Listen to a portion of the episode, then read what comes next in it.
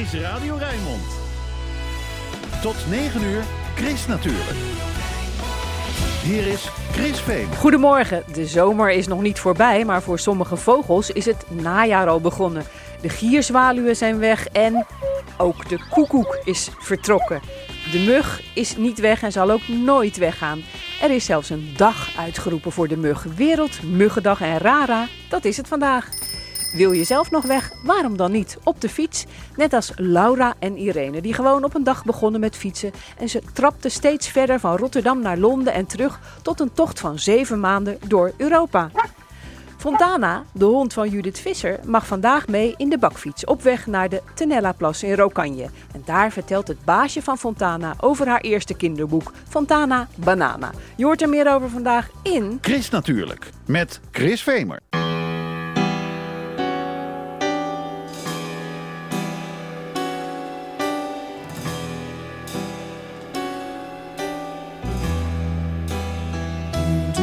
Something to me, something deep inside. I'm hanging on the wire for love I'll never find. You do something wonderful chase it all away. Mixing my emotions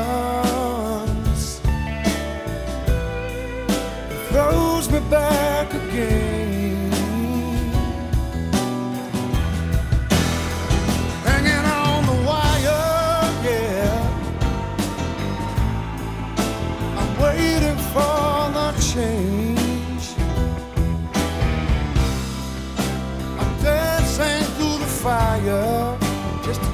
Flame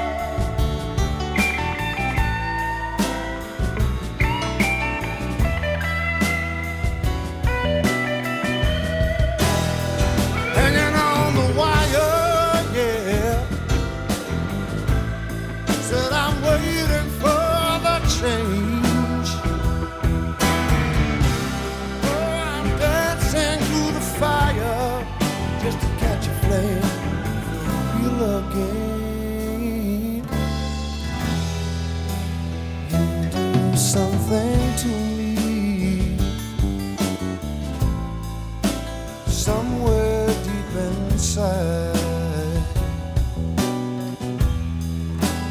Hoping to get close to a peace I cannot find.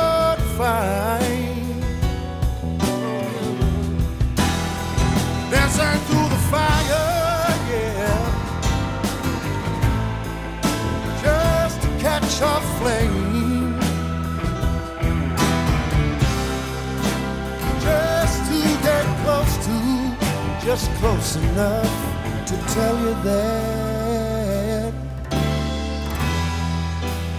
you do something to me, something deep inside.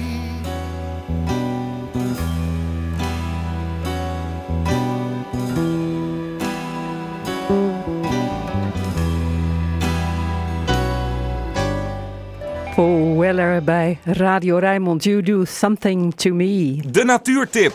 Van Chris natuurlijk. Niet alle natuur is fijn voor de mens. Neem nou de mug, overbrenger van ziekten als malaria en gele koorts. Maar het is vandaag 20 augustus, Wereldmuggendag. En daarom praat Chris natuurlijk toch vandaag over dat beestje, dat vervelende beestje. We praten erover met muggenexpert Marita Brax. Ze werkt bij het RIVM en ze heeft meegeschreven aan het boek De Mug. Marita, goedemorgen. Nog gestoord vannacht door muggen? Goedemorgen. Eh, nee hoor, ik woon eh, ook zes hoog eh, en daar is er minder muggenlast. Ja, zo hoog vliegen minder muggen? Ehm, relatief wel. Ze komen er wel, maar op de begane grond waar je een eigen tuin hebt met waar je je eigen muggen kweekt, heb je er meestal meer last van. Waar je je eigen muggen kweekt? Hoe zit dat? Nou, dat doen heel veel mensen. Of heel onbewust natuurlijk. Ja, want dat doen ze bijvoorbeeld eh, door een, eh, een regenton eh, te hebben en, de, en geen deksel erop te houden. Ja, er zijn heel veel soorten muggen, maar wat de muggen allemaal hebben is dat ze als larf in water leven. Dus als je water in je tuin hebt, dan heb je een grote kans dat je ook muggen kweekt. Niet bewust, maar veel mensen hebben dat. Maar nu is het heel droog geweest, dus er is vooral een gebrek aan water en ook voor de muggen. Ja, dus dan is er ook een gebrek aan muggen. Want eh, ik heb wel gehoord dat er minder muggen zijn dit jaar. Ik weet niet of het waar is. Ja, zeker, maar eh, dat kan zo veranderen, omdat eh, de muggen eh, hebben dus ehm, stilstand water nodig en het water kan van de regen komen, maar kan ook van de grondwaterstand of van overstromingen komen.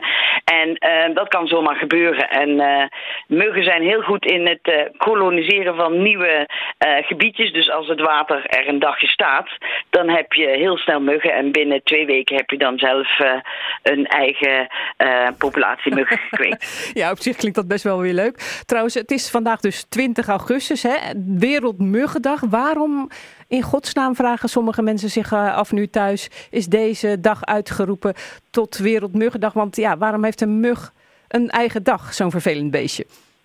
Nee, zeker, dat begrijp ik wel, omdat ook elke dag ongeveer een speciale dag is. Eh, er is voor, eh, dit is eigenlijk al een hele lange eh, uitgeroepen als een themadag, namelijk al 125 jaar geleden. Want het is naar aanleiding van een publicatie van een Indisch-Engelse arts, Ronald Ross, die in eh, 1897 voor het eerst gepubliceerd heeft dat eh, muggen eh, de oorzaak zijn of de overdragers zijn van malaria. Daarvoor waren er heel veel indicaties dat muggen ziektes kunnen overdragen, maar hij heeft het bewijs geleverd en gepubliceerd. En dat was eh, op de dag vandaag 125 jaar geleden. En hij heeft zelf Wereldmuggendag uitgeroepen, omdat hij eh, zelf ook wel overtuigd was van dat het een hele belangrijke eh, ontdekking was. Omdat als je weet hoe het overgebracht wordt, je ook mogelijkheden hebt om er iets aan te doen. Want tot die tijd wisten ze niet dat muggen ehm, eh, ziektes overdraagden. En dachten dat het uit het moeras kwam of eh, iets in de lucht zat. Maar niet per se dat het muggen waren. En door dus muggen te voorkomen kun je ook ziektes voorkomen. En dat was eigenlijk toch wel een hele revolutionaire eh, ontdekking. Ja, dus daarom is het eigenlijk eh, Wereldmuggendag vandaag. Eh, niet de gifslang of de witte haai, maar de mug is voor de mensen het gevaarlijkste dier op aarde. Zit daar iets in? Ja, zeker, omdat het de overdrager is van heel veel ziektes. Als entomoloog eh, moet ik natuurlijk wel corrigeren dat de mug de mensen niet ziek maakt, maar de ziektekiemen in de mug. Maar het is natuurlijk wel een, eh, de postbode van de ziektes, dus eh, hij, eh, zij draagt er wel aan bij natuurlijk. Ja, want zij steekt dus iemand die besmet is. En hoe gaat het dan verder? Ehm, de, de mug ehm, voedt op bloed. Alleen de vrouwtjesmuggen die voeden op bloed, omdat daar heel veel eiwitten in zitten om zich voor te planten. Want daar maken, de, maken ze eitjes van. En terwijl ze op het bloed voedt, nemen ze ook ziektekiemen mee die in het bloed circuleren van mensen. Maar ook eh, dieren, afhankelijk van de ziekte en afhankelijk van de mug, kan die dat dan overdragen. En dat is dan niet een, een stempelkussen of zo, daar moet wel een eh, periode tussen zitten. Dus het is een echt een biologisch proces waardoor, waarbij de ziektekiem, het pathogeen, ook een levens, eh, een ontwikkeling doormaakt in de mug zelf. Dus eh, als die op dag nul ehm, iemand steekt met malaria, dan is dat pas eh, weken daarna dat hij dat kan overdragen naar een volgende persoon, of dagen tot weken.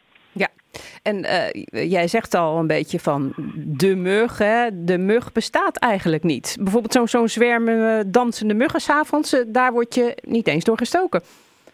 Nee, nee, nee, precies. En dat is ook een beetje de reden waarom wij een boekje hebben gemaakt. Omdat ehm, iedereen kent muggen en, eh, eh, omdat ze je bijten en dat je dat irritant vindt. En de meeste mensen zijn niet zo geïnteresseerd in welke soort mug dat is. Maar voor de overdracht van ziektes is dat wel heel essentieel om dat te weten, omdat bepaalde ziektes door bepaalde muggensoorten worden overgedragen. En op de wereld zijn er ongeveer 3500 soorten muggen en in Nederland hebben we iets meer dan 35 soorten muggen. En die broeden ook allemaal in andere verschillende watertjes en die hebben ook allemaal andere ecologie, levenswijze. En ze steken vaak ook andere, uh, we noemen dat gastheren. Het kunnen vogels zijn, het kunnen mensen zijn, het kunnen paarden zijn. Dus uh, het is niet allemaal één muggensoort. En daarom hebben we eigenlijk dat boekje geschreven om het een beetje uiteen te zetten en het uh, behapbaar te maken. Ja, precies. En, maar er staan ook leuke weetjes in het boek. Hè? Bijvoorbeeld over de geschiedenis. Dat, dat muggen zelfs invloed hebben gehad op het verloop van de geschiedenis van de mens. Kun je een voorbeeld geven daarvan uit het boek? Ja, zeker. We hebben, er zijn, uh, de, de, nou ja, de, de laatste het heel bekend is het Panama-kanaal dat uh, uh, in uh, Zuid-Amerika aangelegd moest worden. Maar doordat er heel veel werkers ziek werden, dat dat heel wel ehm, jaren vertraging heeft opgelopen. Maar er zijn ook oorlogen beklonken omdat, omdat een van de andere partijen allemaal ziek werden door muggen overdraagbare infecties. Dus ehm, ondanks het feit dat we pas 125 jaar geleden weten dat muggen ehm, deze ziektes overdragen, bestonden deze ziektes is natuurlijk veel langer. Uh, al uh, eeuwenlang, ook malaria in Nederland. Uh, ja, kwam vroeger voor, hè? Ja, ja precies. En dat is dus wel interessant, omdat nu heel veel mensen geïnteresseerd zijn, natuurlijk door de opwarming van de aarde. En voor het eerst eigenlijk zich zorgen maken over muggenoverdraagbare infecties. Maar dat is eigenlijk iets ingewikkelder, want wij hadden vroeger malaria en nu niet meer. Ehm, in sommige landen hebben we uh, komen nu nieuwe opkomende ziektes, terwijl ze dat van tevoren niet hadden. Dus het is niet alleen maar klimaatverandering, maar het heeft te maken met de gezondheidszorg, met uh, hoe je je landschap inricht. Dus het is uh, een fascinerend onderwerp. Ja, en dat, dat, kan je allemaal lezen in het boek. Maar laten we nog even een paar van die leuke feitjes uit het boek en fabels ook halen. Bijvoorbeeld, dat wist ik zelf niet, dat, dat muggen zelfs door je spijkerbroek heen kunnen steken. Ja, uh, natuurlijk is een eh, bloot velletje veel eenvoudiger voor een mug uh, uh, doorheen te bijten of, of om je te bijten. Maar ze zijn heel goed om ook door kleding en ook door je lakens heen te bijten. Ehm, ze hebben maar een heel klein steeksnuitje, maar wel een heel spits. Dus het is vaak heel lastig om, om te ontsnappen aan muggensteken. Ja, nou ja, en als je er dan eenmaal uh, een uh, hebt, dan uh, een kruisje zetten in je, mug, in je muggenbeet? Met je nagels? Nee, precies. Dat, dat denken heel veel mensen. Omdat, natuurlijk, omdat muggen steken al, of muggenbeten al eeuwenlang er zijn, zijn er ook evenveel uh, middeltjes uh, en uh, anekdotes over hoe je van de jeuk af kunt komen. Maar zo'n kruisje in een, een muggenbult, dat geeft vooral een andere sensatie en dan vergeet je eigenlijk dat het ook jeukt. Maar meestal is het beste advies om gewoon van je muggenbult af te blijven, omdat je eigenlijk het stofje dat je lichaam maakt in reactie op de muggenbult, dat je dat dan verspreidt. En meestal krijg je meer jeuk als je aan het jeuken bent. En ik denk dat dat ook de ervaring is van de meeste mensen. Ja, ik, ik wil eindigen, staat niet in het boek, maar uh, dat was een nieuwtje uit het uh, satirische online tijdschrift De Speld. De mug ja. die vannacht jouw slaapkamer heeft bezocht en je meerdere keren heeft gestoken, die laat een positieve recensie achter. Genoten van deze plek, ik kon er ongestoord mijn gang gaan. Nou Marita, serieus nieuws over de mug, dat lees je in uh, jouw boek, waar dan ook andere mensen hebben meegeschreven. Het is uitgegeven door Lias, kost in de winkel 12,50 euro. En er is één luisteraar die het boekje kan winnen. 010 436 4436 en je maakt kans. Marita, dankjewel en ik hoop dat je niet gestoken wordt uh, nog deze verdere zomer. Hoi hoi. Een fijne uitzending. Dankjewel.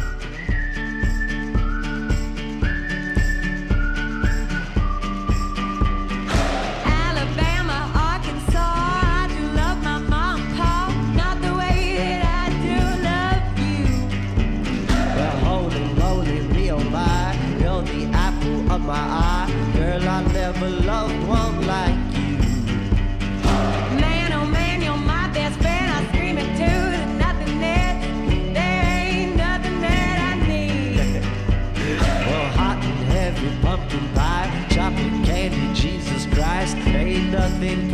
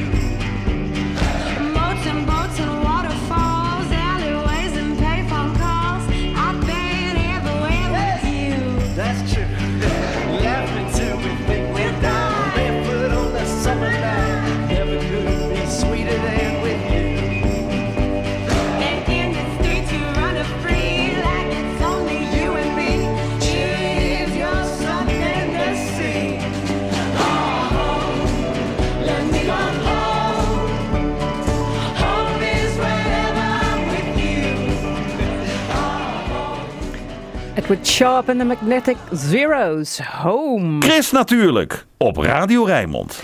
Volgende week verschijnt het allereerste kinderboek van de in Rotterdam geboren schrijfster Judith Visser. Natuurlijk met een hond in de hoofdrol. Dat kan eigenlijk bijna niet anders als je Judith kent. De schrijfster van spannende boeken en twee autobiografische romans woont alweer heel wat jaren met haar geliefde en haar honden in Rokanje.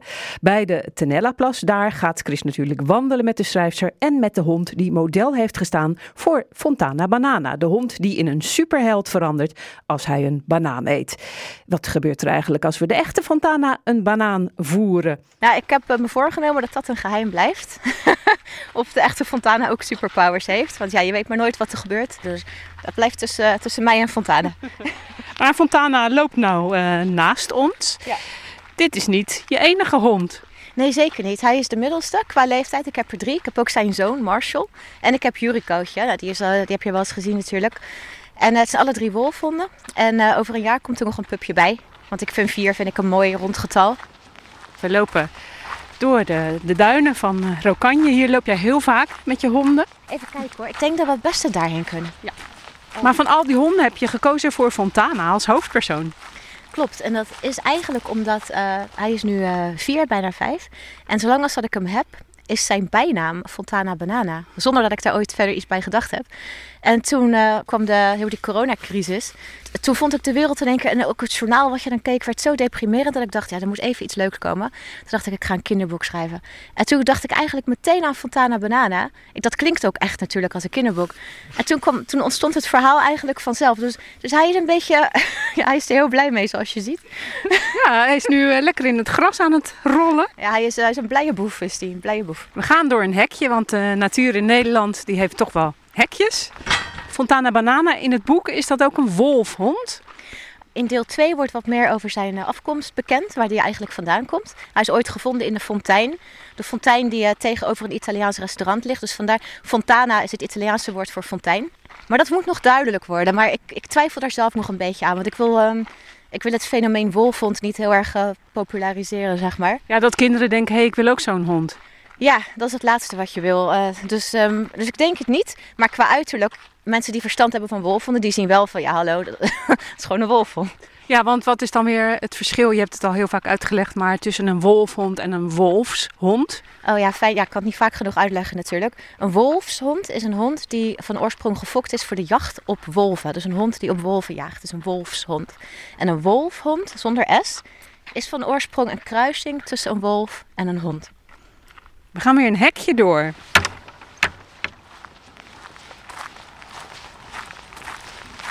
Dit is echt een super, super mooie plek, toch?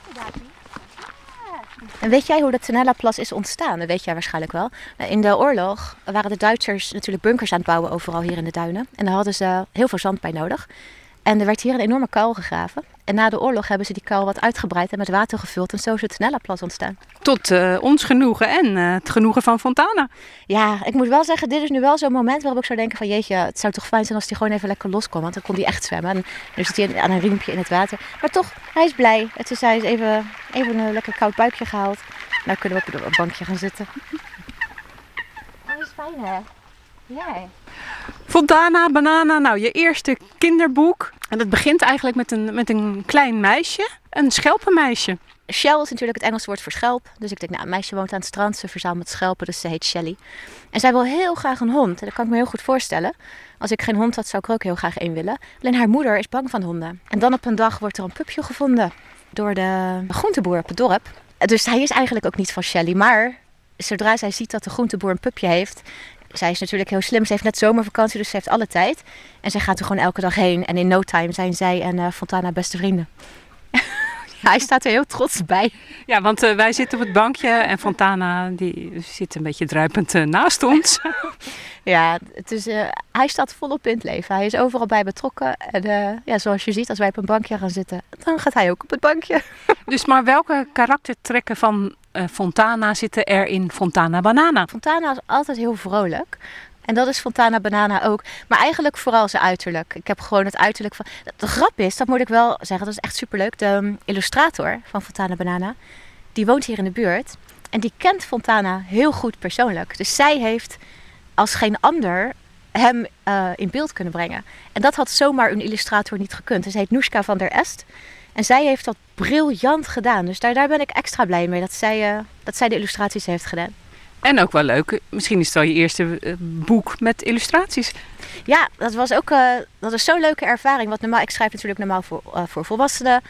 Eh 13 boeken voor volwassenen geschreven. En dan, ah als je vraagt wat is nou het verschil tussen kinderboeken schrijven en volwassen boeken. Nou, dan is dat die illustraties maakt het, vind ik, misschien wel het leukst. Ja. Ja, en dan heb je ook nog hè, dat het verhaal speelt zich af in een slaperig eh, dorpje aan het strand. Ik dacht, ja, is dat dan Rokanje? Ja, wat ook heel grappig is, en dat had ik zelf niet eens door in het begin, dat de cover van Fontana Banana staat mijn huis op en het kerkje van Rokanje. En dat had ik niet eens gezien zelf, totdat iemand mij erop wees. En toen dacht ik, ah, dat Noeska dus gewoon gedaan, zonder dat tegen mij te zeggen. Dat is echt heel grappig. Maar ik heb het expres geen Rokanje genoemd, omdat er dingen in voorkomen die niet in Rokanje zijn. Er komt bijvoorbeeld een fontein in voor, een leegstaande fontein. Ja, die hebben we niet op het dorpsplein bij ons. En, eh, En de Italiaan, hebben jullie die wel hier? nou was het maar zo.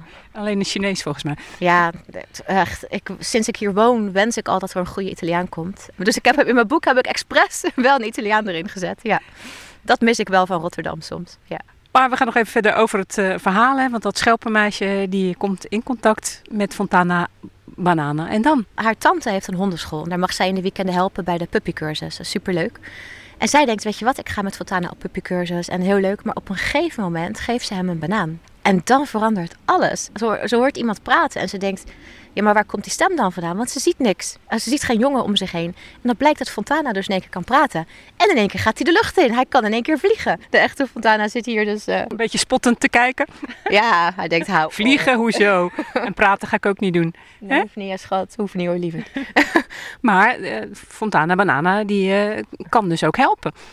Ja, hij woont bij de groenteboer op het dorp. Hans. Op een gegeven moment komt er in die groentewinkel. Er wordt elke dag vers groente en fruit geleverd.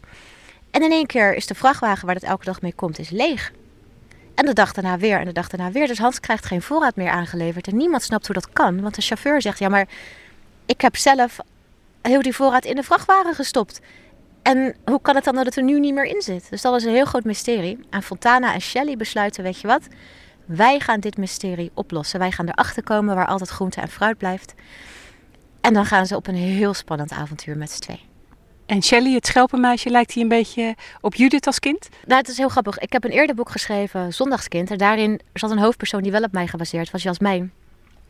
En mijn redacteuren zeiden, goh, Shelley is net Jasmijn. Dus ja, toen dacht ik, ja, maar Jasmijn, dat ben ik. Dus toen dacht ik wel, oké, blijkbaar heb ik toch ook iets van mezelf erin gestopt. Dus ik denk het wel. Alleen ik had gelukkig wel een hond. Ik was twee toen ik mijn eerste hond kreeg. En eh, dat is het mooiste. Die heeft je leven gered. Ja, letterlijk. Die, die, heeft, die, heeft, die was mijn leven. Dus, dat, eh, dus ja, ik leefde heel erg mee met Shelley die geen hond had. Dus dat moest ik fixen voor haar.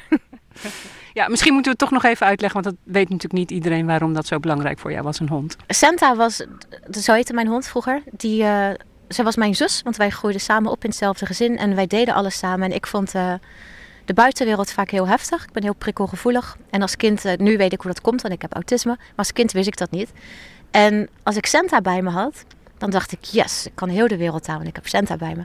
En dat gevoel heb ik nu nog. Daarom heb ik nu drie honden. Dus ik kan nu, eh, nu kan ik echt alles aan, bij wijze van spreken. Er komt nog een vierde bij ook, zoals ik net vertelde.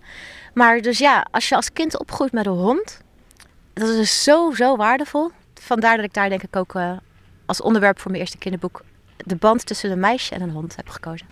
Het boek is nog niet uit. Ja, hij komt uit op 24 augustus. Uh, maar nu is hij wel al te reserveren. En dat kan bij, uh, bij elke boekwinkel. Dus ook bij uh, bijvoorbeeld Van Rietschoten vind ik een hele fijne winkel.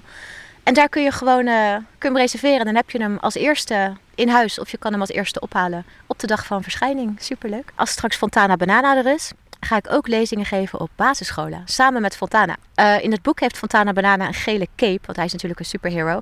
En als we naar de scholen gaan, dan krijgt uh, de echte Fontana ook een gele cape om. Dan kunnen de kinderen kennis maken met de echte Fontana.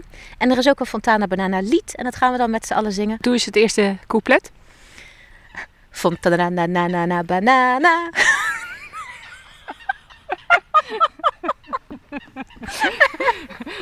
okay. Ik kan het wel ongeveer uh, raden. En uh, bananen niet meenemen waarschijnlijk, hè? Um, nee, want dan, uh, dan komt zijn geheim misschien wel uit. Of hij, dat hij inderdaad kan praten en vliegen. En dat moet echt geheim blijven. Fontana Banana, een superheld op vier poten van Judith Visser met tekeningen van Noeska van der Est, ligt vanaf 24 augustus in de winkel en dan kost het 21 euro en 99 cent. Chris Natuurlijk. De weekendbijlage. Wat staat er in de weekendkranten en daarbuiten over groen, natuur en milieu? Je hoort het in het overzicht. Ik lees het vandaag met Ronald van Oudhuis. Eh, Ronald, goedemorgen. Jij gaat beginnen. Goedemorgen Chris en luisteraars natuurlijk. Ja, het AD zoekt uit of het nog wel verantwoord is om vis te eten. Eh, door overbevissing, bijvangst en schade aan de zeebodem zorgt de visserij voor veel schade aan de natuur. Zo is de conclusie. De beste plek om in Rotterdam vleermuizen te vinden, volgens ecologen van bureau Stadsnatuur Rotterdam, is dat het Kralingse Bos. In de Nacht van de Vleermuis volgend weekend kun je met eigen ogen zien wat de pas ontdekte kolonie watervleermuizen uitspookt. En misschien kun je die ook horen. Dat klinkt dan zo. Een beetje eh, teppen lijkt het wel, hè, Ronald? Ja, een beetje vuurwerk eh, op, een, eh, op een afstand. Een beetje Chinees vuurwerk. Ja. En je weet zeker dat die vleermuisjes geen rotjes in het kontje hadden? Ja, dat, zo klinkt het ook. Ja, ja, precies. Ja. Hey, NRC vraagt zich af of je wel grootschalige festivals kunt houden in natuurgebieden. Wat mag er eigenlijk nog wel tegenwoordig, zeg, vraag ik me ineens af. Zoals op Vlieland begin september. Of is het toch beter om voor een evenemententerrein te kiezen? Zo'n eh, zo'n seksloos eh, weiland met een hek eromheen. Zoals Lowlands bijvoorbeeld dit weekend. Maar wel eh, leuke muziek toch, of niet? Ja, zeker. Ja, zeker. Ja, heerlijk. Buitenplaats Huis ten Donk in Ridderkerk die houdt zaterdag 27 augustus de Donkse Fair. Een van de hoogtepunten dit jaar is volgens Huis ten Donk de komst van Frits Sissing. Van dat eh, tv-programma Tussen Kunst, Kunst en Kitsch.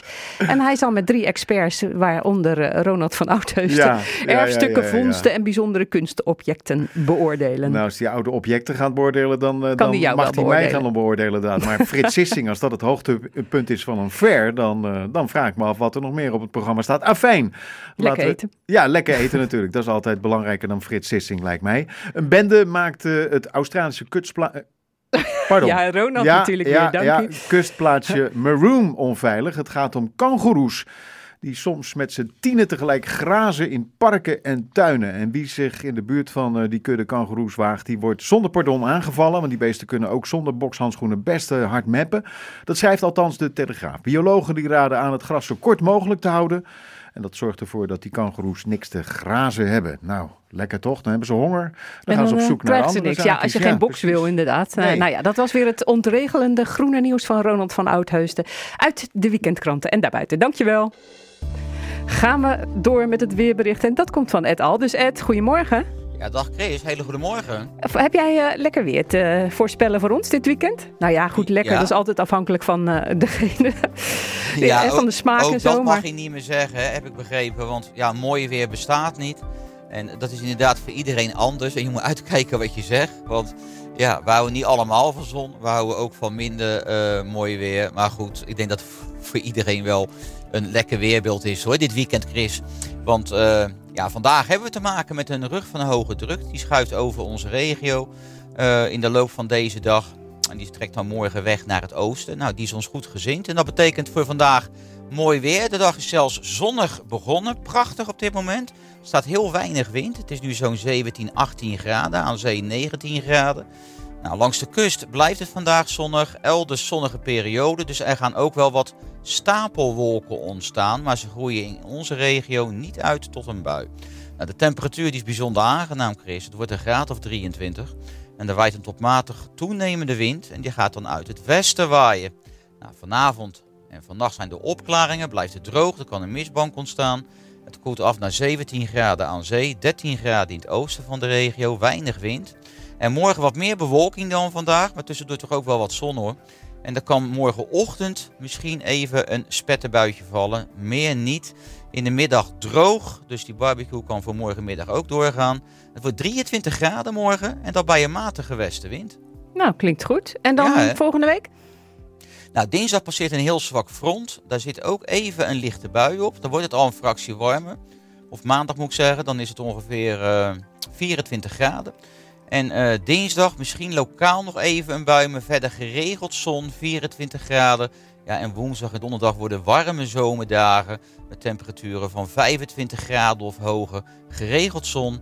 En naar het zich nu laat aanzien blijft het dan droog. En jij, Ed, gaat eh, vandaag mee eh, met de hoge drukrug naar het oosten? Ja, nou ja, wie weet zijn er nog wat vogels te spotten. hè. De, ja, wat dat betreft zijn de eerste wintergasten alweer gearriveerd. Oké, nou dat, eh, dat eh, gaan we straks ook eh, horen van de, van de boswachter. Dat, Oh, eh, dat Ja. eh, de vogels die hier in de zomer zitten, dat die eh, aan het vertrekken zijn. Ja, ja, zeker. Ja. Nou ja, dat is altijd wel weer leuk, vind ik. Zeker. Nou, Ja. eh, straks hoor je er meer over. Fijn weekend, Ja. Ed. Hoi, leuk, hoi. fijn dag. weekend. Hoi. Luisteren allemaal naar Chris. Kom daar toch. Chris, natuurlijk.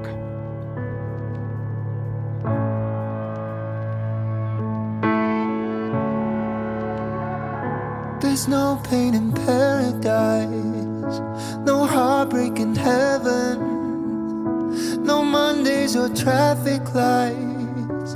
How could it be real? You're up near the satellites, you left in a second. Yeah, that was the only time the earth stood still. Velvet skies when I close my eyes, free falling into another space and time. I miss you and your electric light. Shine on bright, beautiful to the bitter end.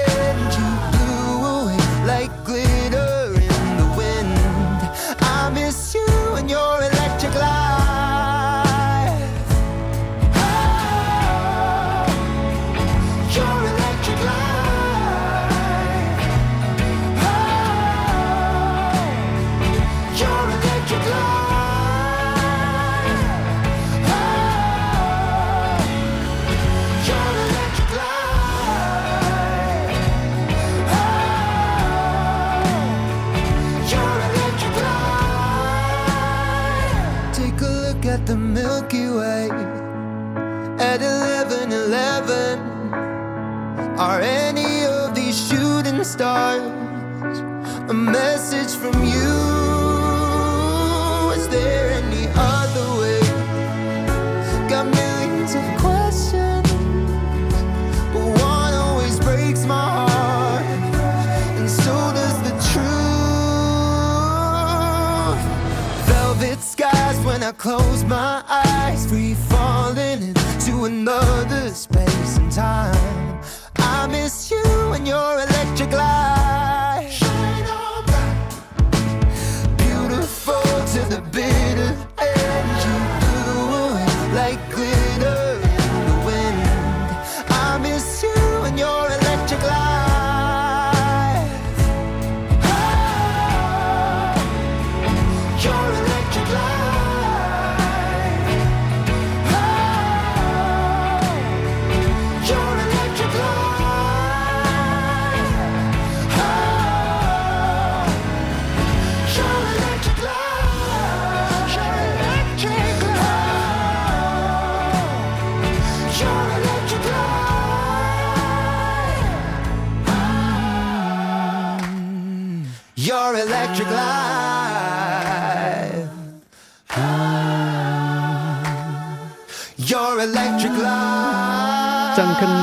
Hier op Radio Rijnmond met Electric Life. Chris natuurlijk. Lekker groen. Voor ons is het nog volop zomer, maar voor sommige vogelsoorten is het najaar al begonnen. De meeste gierzwaluwen zijn vertrokken en ook de koekoek verlaat ons land al vroeg. Met boswachter Harm Blom van Staatsbosbeheer varen we vanaf het Biesboscentrum in Dordrecht met de zonnepont naar de overkant om daar iets van de vogeltrek te ervaren. Een van de kortste pontjes van Nederland, maar wel een van de mooiste. Op naar eh, de Sterling. Echt eh, midden in de Sliedrechtse Biesbos, waar je echt nog eh, waant in ja, oernatuur. Echt de wildernis van de Biesbos. Waar niet alleen spelende kinderen nu heerlijk zwemmen, duiken, gezinnetjes varen. Maar waar je ook volop nu van de vogeltrek kan genieten. Ja, de vogeltrek, ik vind dat eigenlijk zo gek in augustus. Ja, het is augustus, echt in de zomerperiode. Maar ik spreek eigenlijk al over, ja, de herfst is al begonnen. En dan met name qua vogeltrek. Dan is de biesbos ja, echt super belangrijk voor tienduizenden zangvogels die zich nu hier te goed doen aan muggen, eh, libellen, juffertjes, verzin het maar. Onderweg naar Zuid-Europa en Afrika. Maar augustus, is dat niet gewoon super vroeg? Ja, dat zou je denken inderdaad, hè? want iedereen denkt de herfst. De, de herfsttrek begint met kraanvogels, koolganzen en eh, kleine zwanen. Maar denk aan soorten als Vitus nachtegaal. Ja, die beginnen al in de koekoek in juni, juli op weg te gaan naar het zuiden. Ja, het is nu eind augustus en vooral de afgelopen dagen is het heel interessant. We zien en horen overal dat er fluiters zijn gezien, bonte vliegenvangers met veel geluk een draaihals. Ja, dat zijn zangvogels uit Scandinavië, Duitsland, Polen. Eten hier hun buik weer vol en gaan over een paar dagen weer door naar Spanje. Ja, ik vind het super boeiend.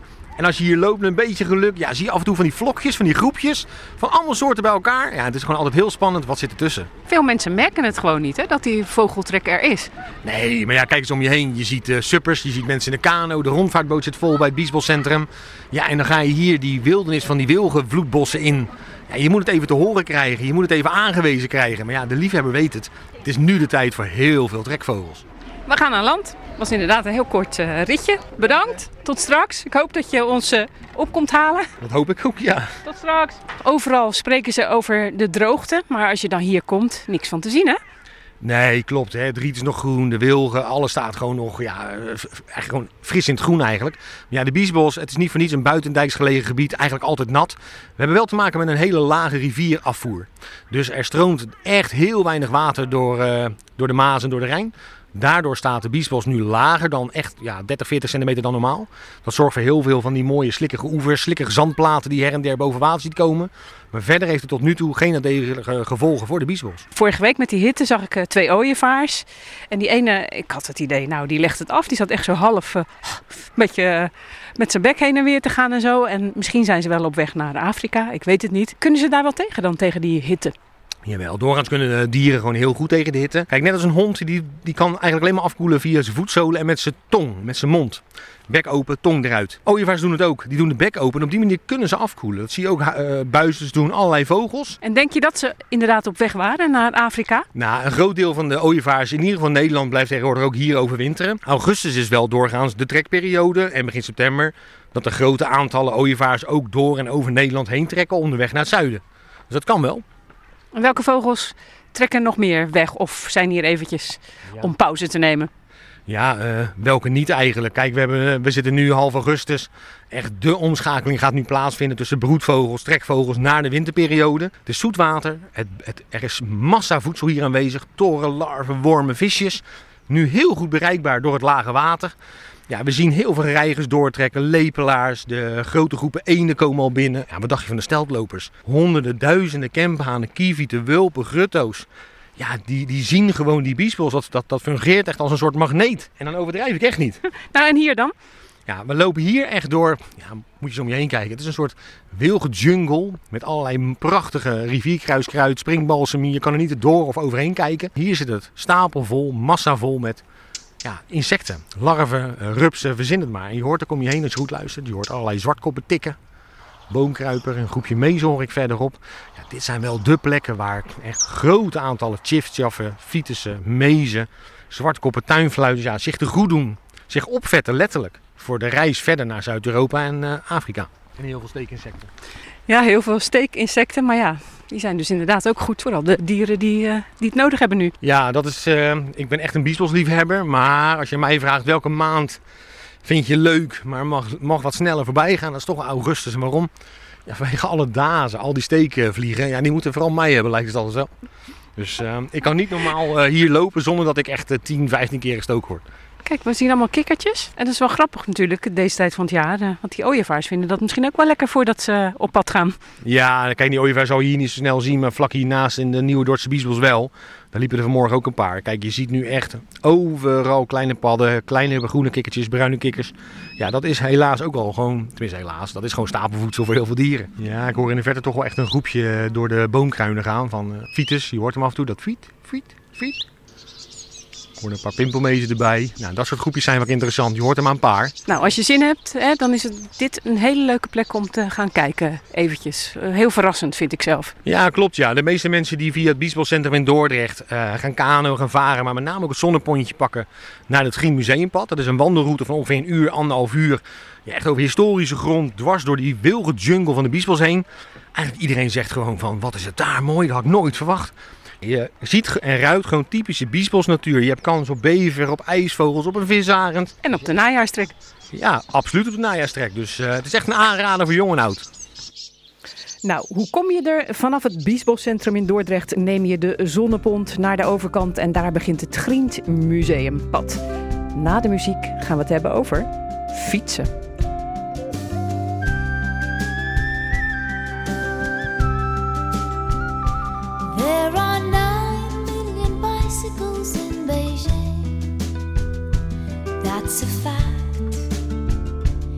It's a thing we can't deny.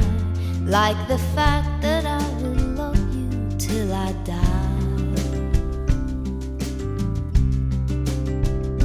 We are 12 billion light years from the edge. That's a guess. No one can ever say it's true, but I know that I will always be with you.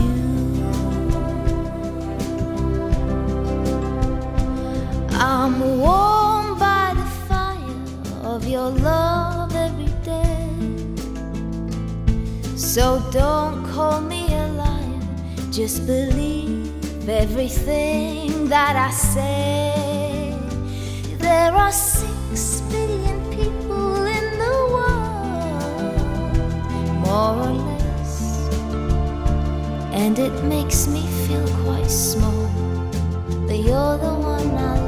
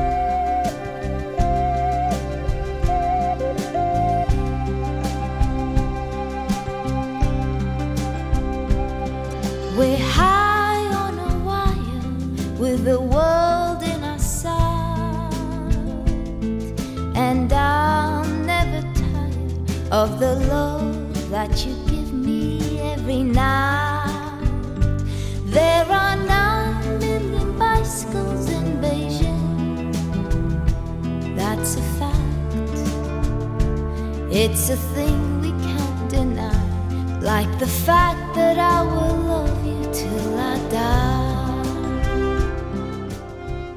Katie Melua, 9 Million Bicycles. Chris natuurlijk. Lekker lezen. Lekker lezen. Ja, eerst lekker lezen in het boek Ga op de fiets van Laura Maat en Irene Maaskant uit Rotterdam. En daarna op de fiets door Europa, van Rotterdam naar Londen en terug. Dwars door Andalusië of een rondje IJsselmeer. Laura Maat en Irene Maaskant die stapten op een dag op de fiets en trapten steeds verder. En nu zijn ze hier om te vertellen over hun eh, boek. Laura en Irene, goedemorgen. Jullie zijn zelf net terug op de, eh, van vakantie, maar voor het eerst niet op de fiets. Ja, dat klopt. Dat is wel apart, hè? Eh, maar eh, ja, jullie zeggen dus vakantie op de fiets is een goed idee. Waarom is dat? Eh, dat heeft eh, verschillende redenen. Eh, ten eerste vinden wij het zelf heel lekker om heel de tijd buiten te zijn en in beweging te zijn. Ja, en op de fiets, je ontmoet echt ontzettend veel mensen. Heel veel lieve mensen. Je bent En echt- die jullie ook soms helpen, hè? want dat, dat eh, schrijven jullie soms ook in het boek. Hè? Misschien moet je een voorbeeld eh, daarvan geven, hoe goed jullie geholpen zijn. Ja, het is ongelooflijk. Op de fiets ben je op de een of andere manier zo open en toegankelijk. En misschien ook wel op de meest, eh, ja, de meest bijzondere manier kwetsbaar. Dus niet alleen dat je eh, gevoelig bent voor het verkeer, maar ook dat mensen gewoon naar je toe stappen. Omdat ze denken van, hé, hey, wat ben jij aan het doen? Je bent op de fiets helemaal naar mijn land gekomen op eigen kracht. Eh, wat kan ik voor jou doen? En eh, vaak zijn we ah, ja, uitgenodigd om te komen eten bij mensen thuis. Of te slapen.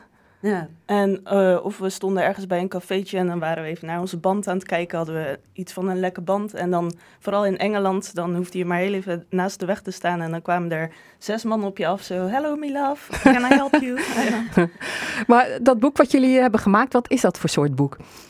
Ehm, het is een pleidooi voor fiets, reizen op de fiets eigenlijk. Ehm, dus we willen heel erg graag mensen enthousiast maken om een keer de auto te laten staan en op de fiets te springen en op die manier te reizen. Dus echt genieten van de reis en het onderweg zijn en buiten zijn, in beweging zijn. Eh, ja, Dat is het leuke eraan. Maar hoe zijn jullie zelf begonnen? Oeh, dat was op een Een, een Op een dag? Ja, gewoon op een dag. We hadden allebei een hele oude fiets van Marktplaats, een oude racefiets. En toen dachten we, we hebben een lang weekend vrij, laten we eens een stuk gaan fietsen. Laten we naar Antwerpen gaan, naar het zuiden, daar schijnt de zon. En toen trokken we gewoon onze normale kleding aan, onze spijkerbroek, rugzak om. En toen zijn we gewoon naar het zuiden gegaan, naar Antwerpen gefietst. En onderweg, die eerste dag, die 50 kilometer die het was, maakte wel zoveel mee. Toen dachten we, nou, volgens mij, we hebben morgen nog een dag, waar zullen we nu heen gaan? Toen zijn we naar Brussel gegaan. Die dag verder nog een dag naar Gent. En dan in dat, daar begon het ook dat we merkten hoe open je bent als fietser. Want toen we in Brussel aankwamen, het begon opeens keihard te regenen. Ik had een lekke band. We, kwamen in, we gingen een café binnen, omdat we dachten, ja, we moeten nu schuilen. Eh, en toen gingen we op zoek naar slaapplaatsen, maar het was eh, dag van de arbeid, dus het was echt, alles was helemaal volgeboekt. Er was een festival gaande, er was gewoon geen slaapplek meer in Brussel. En toen zijn we aan de praat geraakt met twee meisjes naast ons in het café. En toen zeiden van, joh, weten jullie eh, misschien nog een plek waar wij zouden kunnen overnachten? En toen zei de meisje meteen, ja, ik woon hier tegenover. Ik slaap vanavond wel bij mijn vriend, hier heb je de sleutel.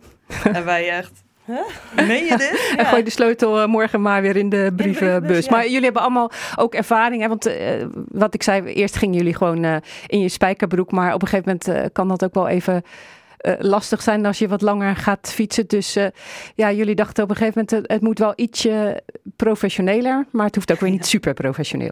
Ja, dat klopt. Op Ja. een gegeven moment gaat een spijkerbroek toch wel eh, schuren en niet heel lekker zitten. Ja, en we zeggen ook altijd begin klein, droom groot. Dus we begonnen gewoon op een hele oude, oude fiets, oude racefiets. En naarmate we dachten, we, dit vinden we echt leuk, zijn we een beetje gaan investeren en meer om ons heen gaan kijken wat hebben we echt nodig en wat zal onze reis nog wat comfortabeler maken. Ja, want bijvoorbeeld niet meer met die eh, rugzak als je ver weg gaat en daar dan allemaal eh, boeken in om te lezen. Nee, en eh, nee. ja, jullie Ja. jullie lachen, maar jullie hebben dat ook in het begin Ja, echt ja. gedaan. Ja, zelfs eh, boeken van de bibliotheek. Dus die konden we ook niet even ergens achterlaten. Ja, dat was niet heel handig. Nee. Helemaal opengeschuurde ruggenwervels Ja. en zo. Dus sindsdien dragen we een e-reader met ons mee. Dat is eh, een stuk Dat comfortabeler. toch nog, wel, eh, toch nog wel zwaar. En jullie weten nou ook gewoon met de hand, eh, hup, eh, met je eh, bidon eh, een beetje water te drinken en zo. Ja, en dat wisten jullie eerst ook allemaal niet hoe dat eh, moest. Ja, we hebben Maar- zelfs eh, klikpedalen en zo. Daar moesten we dan eerst mee oefenen. Ja, ja. want dat lijkt me ook wel eh, lastig. eh. Maar jullie zijn nu zo eh, eh, voorbereid dat jullie eh, binnenbanden meenemen. Maar ja, dat alleen is niet genoeg. Kwamen jullie ook al snel achter op je reis? Ja, eh, ja, ja. dat was echt de, de aller, allereerste keer, ja. Dat we dachten, nou, een, eh, neem een pomp mee, want als die band lek is of eh, leeg, dan eh pompen we hem op. En een Maar ja, binnenbandje. ja, maar verder hadden we geen idee wat we moesten doen. En, en, en als, als we een lekke band zouden krijgen in het platteland ergens op een klein weggetje, we hadden echt geen idee hoe we dat moesten oplossen. Maar de, inmiddels hebben jullie een soort cursus gedaan misschien of zo om het, eh, om het goed eh, te kunnen? Nou, gewoon de eerste keer het meemaken. En dat was gelukkig net voor we Brussel inreden. Dus daar was een grote stad bij een fietsenmaker naar binnen gestapt. En die was eh, heel eh, behulpzaam. En die heeft het ons helemaal uitgelegd en gezegd... Dit En toen konden jullie dit- het. Ja. nou, jij zei het al, hè, begin klein, droom eh, groot. eh, maar ook van die tips staan erin van neem een gootsteen stop mee. Kom je Ja. daar nou weer aan om dat te doen? En waarom zou je dat doen? Nou, ehm, op de fiets kan je dus niet heel veel meenemen. En dan is het soms best wel lekker als je even de gootsteen dicht kan doen met de stop. Want die zit er vaak niet bij in een hotel of bij een camping. En dat je even je kleren lekker kan wassen of kan laten weken of zo. Ja, en wat mij trouwens opviel, wat eten jullie veel onderweg? En jullie vonden het ook wel lekker. Jullie, hebben, jullie eten ook eh, heel vaak eh, van de plaatselijke heerlijkheden. Wat was het lekkerste wat jij hebt gegeten? Oeh, ik denk, dat is denk ik toch wel eh, de hele tijd in Italië geweest. Daar konden we echt, ook als we langs een tomatenveld reden, dan deden we onze helm af, eh renden we dat veld en dan, dan plukten we heel onze helm vol met, met van die eh San Marzano tomaten. Echt heerlijk was dat. Laat de boer het maar niet horen. Nee. nee, hè? Maar eh, jullie eh, hebben nu allerlei routes eh, in het boek gezet. Hè? 15 routes waarvan jullie dus zelf denk ik allemaal hebben gedaan. Van lichte tot zware inspanning. Eh, wat vond jij de leukste? Die je hebt gedaan of die je zou Oeh. aanraden? Nou, ja, ik vind ze allemaal heel bijzonder. Wat ik een eh, hele mooie vind, is de eilandenroute door Kroatië. Omdat dat, en zeker in het naseizoen, dus dan is het wel nog lekker warm, maar er zijn niet heel veel toeristen meer op de eilanden. En ook goede fietspaden? Ehm, Nou, fietspaden zoals we ze in Nederland hebben niet, maar de wegen zijn op zich goed begaanbaar. Je moet je gewoon breed opstellen als fietser, dus je niet in de berm al laten duwen voordat er een auto aankomt. Maar Ja, want je fietst dan beetje- inderdaad op autowegen. Ja, je fietst op Ja. autowegen of op eh, van die gravelpaadjes. Ja, en dan, eh, dan zeggen jullie er ook bij eh, van eh, zweetdruppeltjes. Hè? De, hoeveel zweetdruppeltjes eh, kost eh, deze trip naar Kroatië? Dat is hoe zwaar het is, hè? Ja. want jullie gaan ook bijvoorbeeld de bergen in en zo. Ja, er zijn best wel wat pittige bergen daar. En de, soms kunnen de wegen ook wel dat je denkt van dit is niet zoals in Nederland een rustig fietspad. Dus ik zou zeggen drie, drie zweetdruppels. Laura, welke kies jij? Oeh, dan blijf ik wat dichter bij huis voor de startende fietsers. En voor mij is dat dan de kustroute. Die loopt helemaal vanuit Zeeland in Nederland tot in Groningen. En het is echt een hele mooie route om mee te beginnen. Vooral als je wil starten met een, een fietsvakantie. Misschien gewoon zoals ons, met spijkerbroek en een rugzak. Kan best. Nou ja. Ja. Hm? Nou, je mag het proberen. Ja, maar, en dat is dus één zweetdruppeltje. Ehm, ja, ja, wel één zweetdruppeltje, ja. ja. Ja. En je hebt de hele tijd je, de kust aan je linkerkant. Je kan eh Dat is prachtig om te zien. Ja, Heerlijk. Ja. duinen. Nou ja, heb je nog een duwtje nodig eh, voor je op de fiets stapt? eh, lees dan eerst het boek Ga op de fiets van Laura Maat en Irene Maaskant. Het boek is uitgegeven bij uitgeverij Fjord. Kost in de winkel 22 euro en 50 cent. En er is één luisteraar die dit boek kan winnen.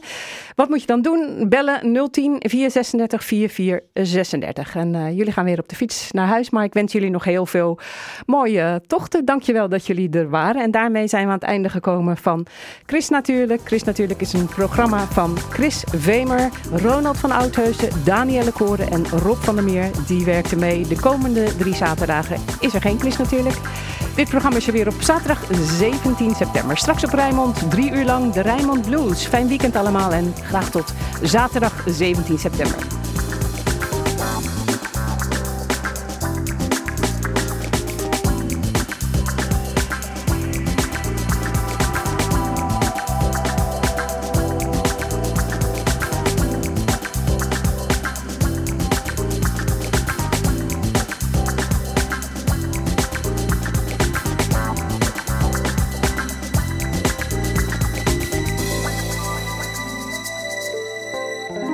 Chris Natuurlijk. Kijk ook op chrisnatuurlijk.nl